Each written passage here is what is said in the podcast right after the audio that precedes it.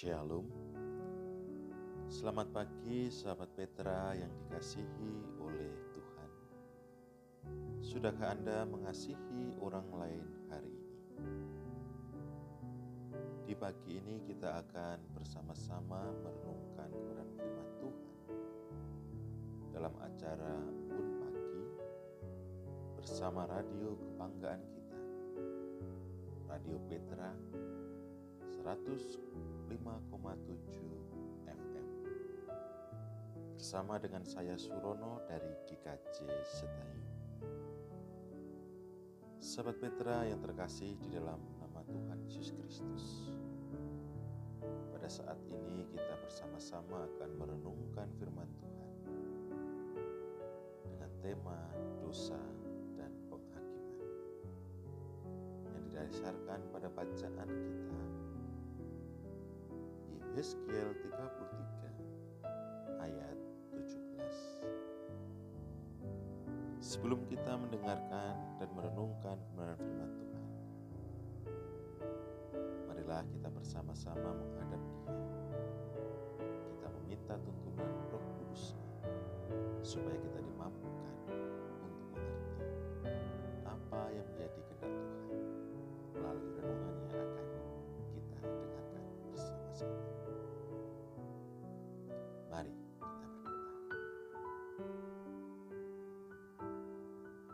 Kami menghadapmu ya Bapa dengan penuh syukur atas anugerah penyertaanmu yang telah engkau lakukan di sepanjang hidup kami. Begitu juga di pagi ini kami pulih engkau bangunkan. Kami pulih untuk bersama-sama mendengarkan kebenaran firman melalui acara embun pagi bersama Radio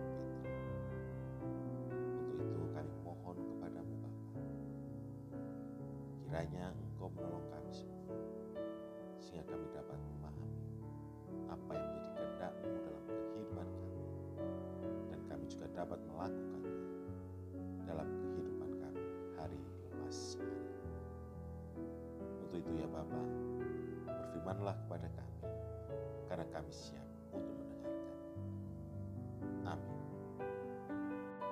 Sahabat Petra yang dikasihi oleh Tuhan. Saya akan membacakan bacaan kita yang tertulis di dalam Yehezkiel pasal 33 ayat 17 yang demikian. Tetapi teman-temanmu sebangsa berkata, tindakan Tuhan tidak tepat, padahal tindakan mereka yang tidak tepat. Demikianlah pembacaan Alkitab kita pada saat ini. Yang berbahagia ialah mereka yang mendengarkan, merenungkan dan melakukan firman Tuhan di dalam kehidupan hari lepas hari. Haleluya. Sahabat Petra yang dikasihi oleh Tuhan. Tema renungan kita adalah dosa dan penghakiman. Berbicara tentang dosa, tentu kita semua tahu bahwa dalam kehidupan manusia, kehidupan kita sehari-hari tidak pernah lepas yang dari namanya dosa. Entah dosa yang kita lakukan itu dengan sengaja, entah dosa yang kita lakukan dengan tidak sengaja. Dosa sendiri adalah menentang kehendak Allah, tidak berbuat sesuai dengan apa yang Tuhan kehendaki. Kata lain adalah lawan apa yang Tuhan perintahkan. Dengan dosa yang dilakukan oleh manusia tentu akan mendapatkan yang namanya penghakiman atau penghukuman. Supaya manusia sadar bahwa apa yang dilakukannya itu salah dan dapat merubahnya sehingga di dalam kehidupannya akan menjadi lebih baik lagi. Tetapi karena manusia yang penuh dosa sering kali tidak mau untuk mengakui dosa-dosanya dan bahkan juga sering kali menyalahkan pihak lain yang salah. Dengan istilah adalah mencari dengan mencari kambing hitam, maka ia akan merasakan bahwa apa yang dilakukan benar dan apa yang mungkin dilakukan oleh pihak yang disalahkan adalah yang paling salah. Itulah kecenderungan hidup manusia. Tidak mau mengakui dan bahkan menghindari akibat dari apa yang telah dilakukan. Ternyata hal tersebut tidak hanya terjadi pada zaman sekarang ini, tetapi ketika bangsa Israel pun sudah melakukan hal tersebut. Dan yang lebih parahnya lagi, bahwa yang disalahkan adalah Tuhan. Apa yang dilakukan oleh Tuhan tidak benar, apa yang dilakukan Tuhan adalah salah. Padahal kita semua tahu bagaimana Tuhan bertindak. Tentu Tuhan bertindak sesuai dengan apa yang baik untuk kita dan bahkan untuk kebaikan kita semua. Tapi karena sifat manusia ini, sehingga bangsa Israel pun ketika ia melakukan yang salah tidak mau mengakuinya, sehingga bangsa Israel, orang-orang yang di dalamnya, menghindar dari apa yang telah dilakukannya. Lalu apa tuh dosa bangsa Israel yang dipaparkan oleh Yehezkiel? Adalah pelanggaran terhadap kesepuluh hukum yang tertera di loh batu. Yang pertama, umat Allah di mana tidak mau mengasihi Allah dengan segenap hati dan akal budi. Tetapi sebaliknya, dalam penglihatan Yehezkiel akan Yerusalem, Yehezkiel sangat terperanjat melihat betapa banyaknya berhala di sana, bahkan di dalam bait suci. Jelas, ini adalah perbuatan yang keji dan jahat. Semua orang tanpa kecuali menajiskan rumah Tuhan. Ada yang membelakangi bait suci, bertiarap ke timur sujud pada matahari, ada yang menyembah berhala di tempat tinggi, bahkan ada yang tidak takut mengorbankan Mereka bukanlah penyembah berhala amatiran, tetapi mereka menjunjung berhala mereka dalam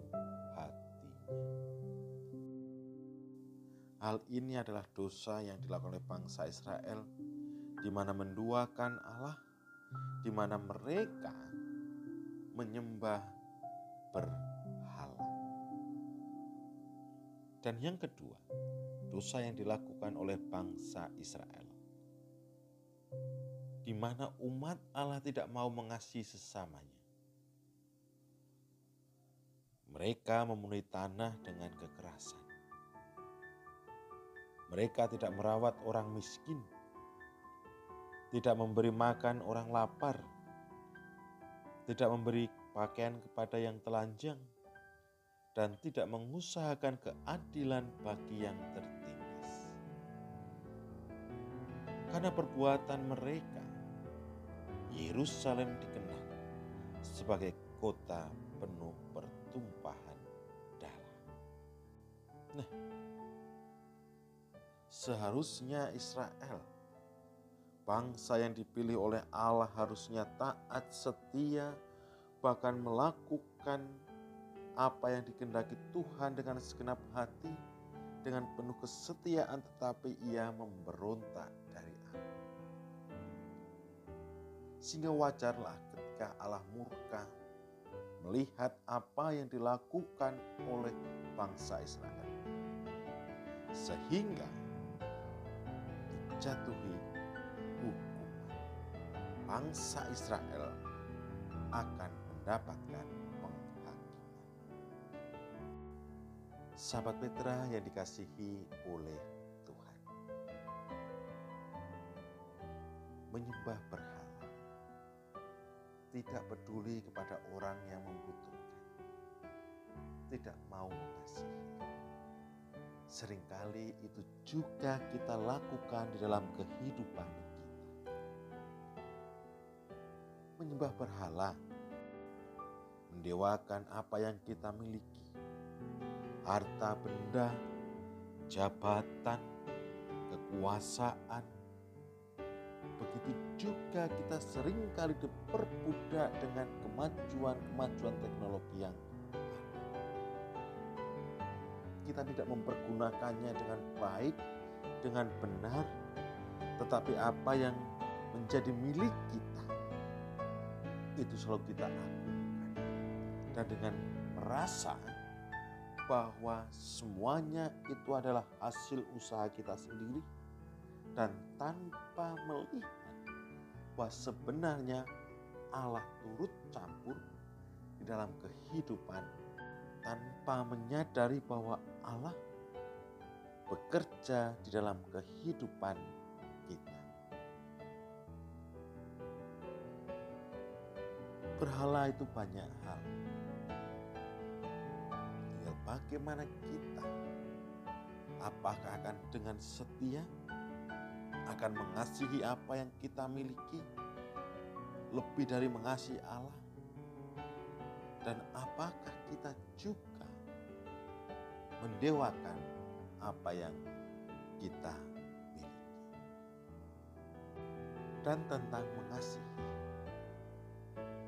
Seringkali kita hanya mengasihi orang yang dekat dengan kita, orang yang membuat kita senang, dan bahkan kita mengabaikan orang-orang yang ada di sekitar kita yang sebenarnya membutuhkan pertolongan dari kita. Apakah yang kita lakukan ini bukan dosa? Dan apakah kita menyadarinya bahwa yang telah kita lakukan dengan kebenaran firman Tuhan. Tidak sesuai dengan apa yang menjadi kehendak Tuhan. Sahabat Petra yang dikasihi oleh.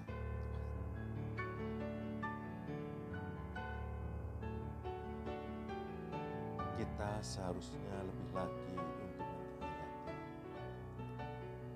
lebih lagi untuk merenungkan apa yang kita miliki. Berasal dari mana semuanya itu? Kekayaan, kekuasaan, jabatan, dan lain sebagainya.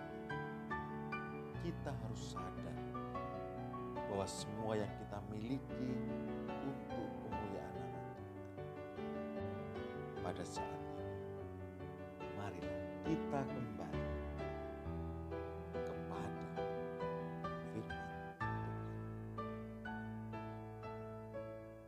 Melalui apa yang kita miliki, kita muliakan nama Tuhan. Dan tentunya kita tidak mengagung-agungkan, menyembah apa yang kita miliki. Begitu juga kita harus melakukan kasih tanpa pandang bulu, tanpa batasan-batasan, baik ras, suku, budaya. Kita harus melakukan kasih itu. Kita wujud nyatakan kasih itu dengan sungguh-sungguh. Di mana kita harus menolong orang-orang yang membutuhkan orang-orang yang perlu kita kasihi. Dengan demikian, kita tidak akan jatuh kepada dosa, tetapi apa yang kita lakukan adalah untuk kemuliaan nama Tuhan dan sukacita dapat kita rasakan, dan orang lain dapat merasakannya juga. Sahabat Petra yang dikasihi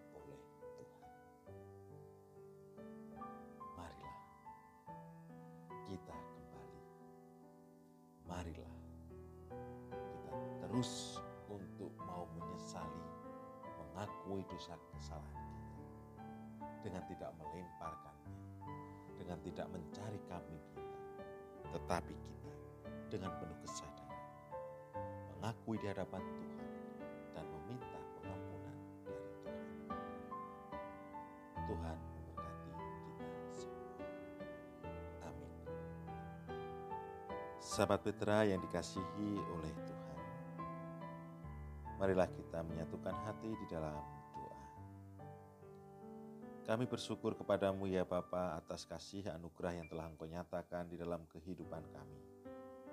Kami boleh menjalani hari-hari pemberianmu. Kami boleh melakukan segala aktivitas pekerjaan kami. Melalui setiap apa yang kami lakukan, setiap udara yang kami hirup, di situlah engkau menyatakan kasih kuasamu. Engkau menyatakan kasihmu kepada kami semua.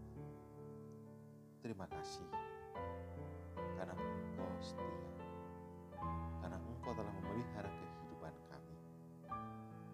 Begitu juga di pagi ini kami boleh bangun, boleh merenungkan kebenaran firman-Mu bersama-sama melalui renungan embun pagi Radio Petra FM. Semuanya boleh terlaksana karena Tuhan sendiri, karena Tuhan yang menolong kami. Terima kasih, terima kasih ya Tuhan. Pada saat ini juga kami mohon berkat kesembuhan bagi saudara-saudara yang saat ini sedang sakit baik yang ada di rumah ataupun yang saat ini harus dirawat di rumah sakit.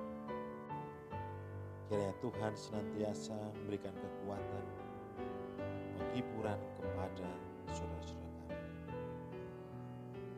Terlebih Tuhan memberikan kesembuhan melalui makanan minuman, obatan-obatan, perawat, dokter, dan keluarga. Tuhan berkenan memakai sarana-sarana ini sebagai kesembuhan bagi saudara kami. Itu juga yang saat ini dalam masa pemulihan. Juga Tuhan tidak membiarkannya. Tuhan senantiasa menolong mereka sehingga dalam proses pemulihannya mereka boleh memperoleh kesehatannya kembali. Boleh beraktivitas, boleh melakukan pekerjaan. Kami juga mohonkan berkat kekuatan bagi saudara kami yang saat ini sedang menghadapi pergumulan Baik masalah pekerjaan, keluarga, ekonomi. Tuhan sendiri yang memberikan yang terbaik, memberikan jalan keluar bagi saudara. Itu juga yang saat ini rindu akan pekerjaan, yang rindu akan kehadiran anak dalam keluarga. Engkau sendiri berikan pekerjaan sesuai dengan apa yang menjadi keahlian dari. Ini juga kehadiran. Tuhan berikan yang terbaik bahkan setiap usaha-usaha yang dilakukan. Engkau sendiri yang berkati. Sehingga saudara-saudara kami, Engkau untuk menerima tanggung jawab dari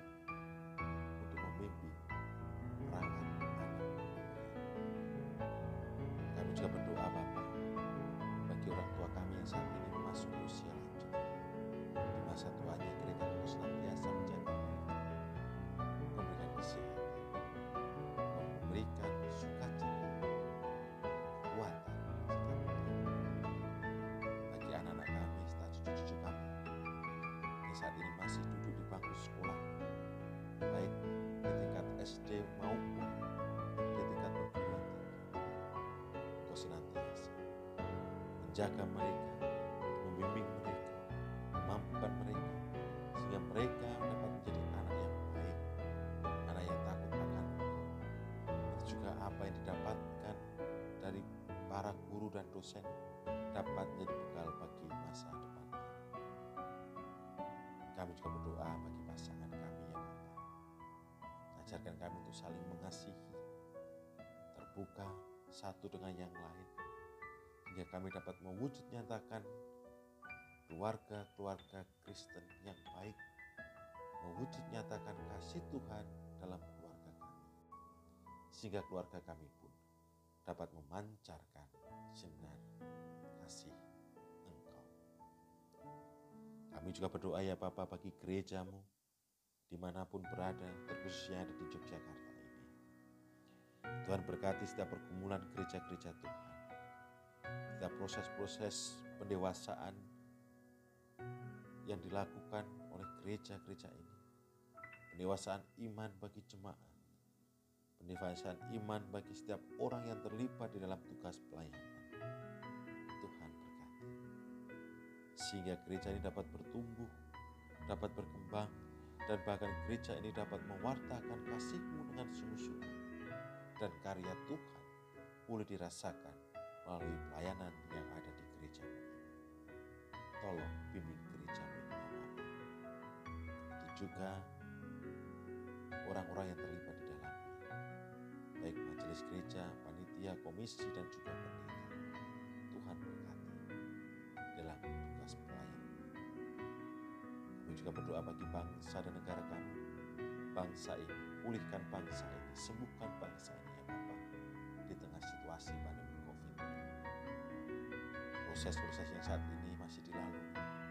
Proses vaksinasi. Kiranya Tuhan berikan kelancaran. Sehingga setiap orang yang telah divaksin akan memiliki imun yang kuat. Sehingga bangsa ini akan bangkit. Bangsa ini akan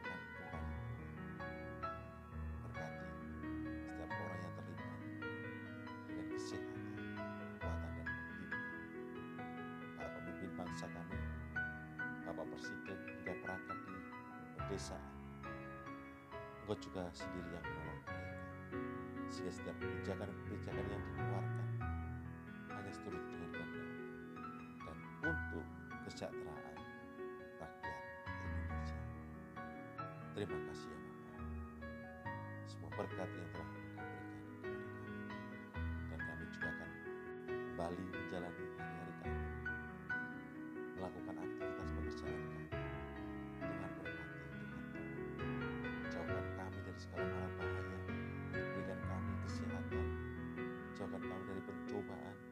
Sehingga di dalam kami melaksanakan tugas dan tanggung jawab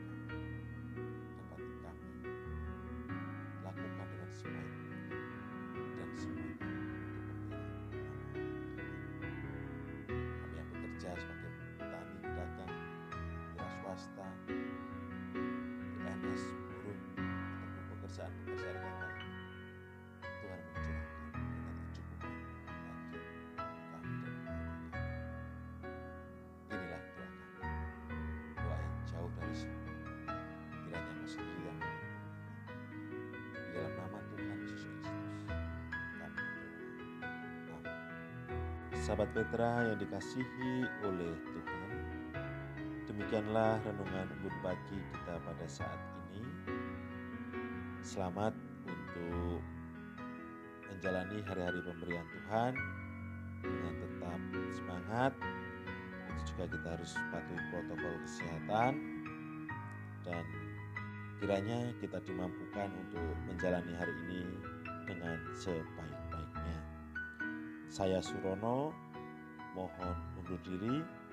Sampai jumpa dalam acara renungan embun pagi selanjutnya. Tuhan memberkati.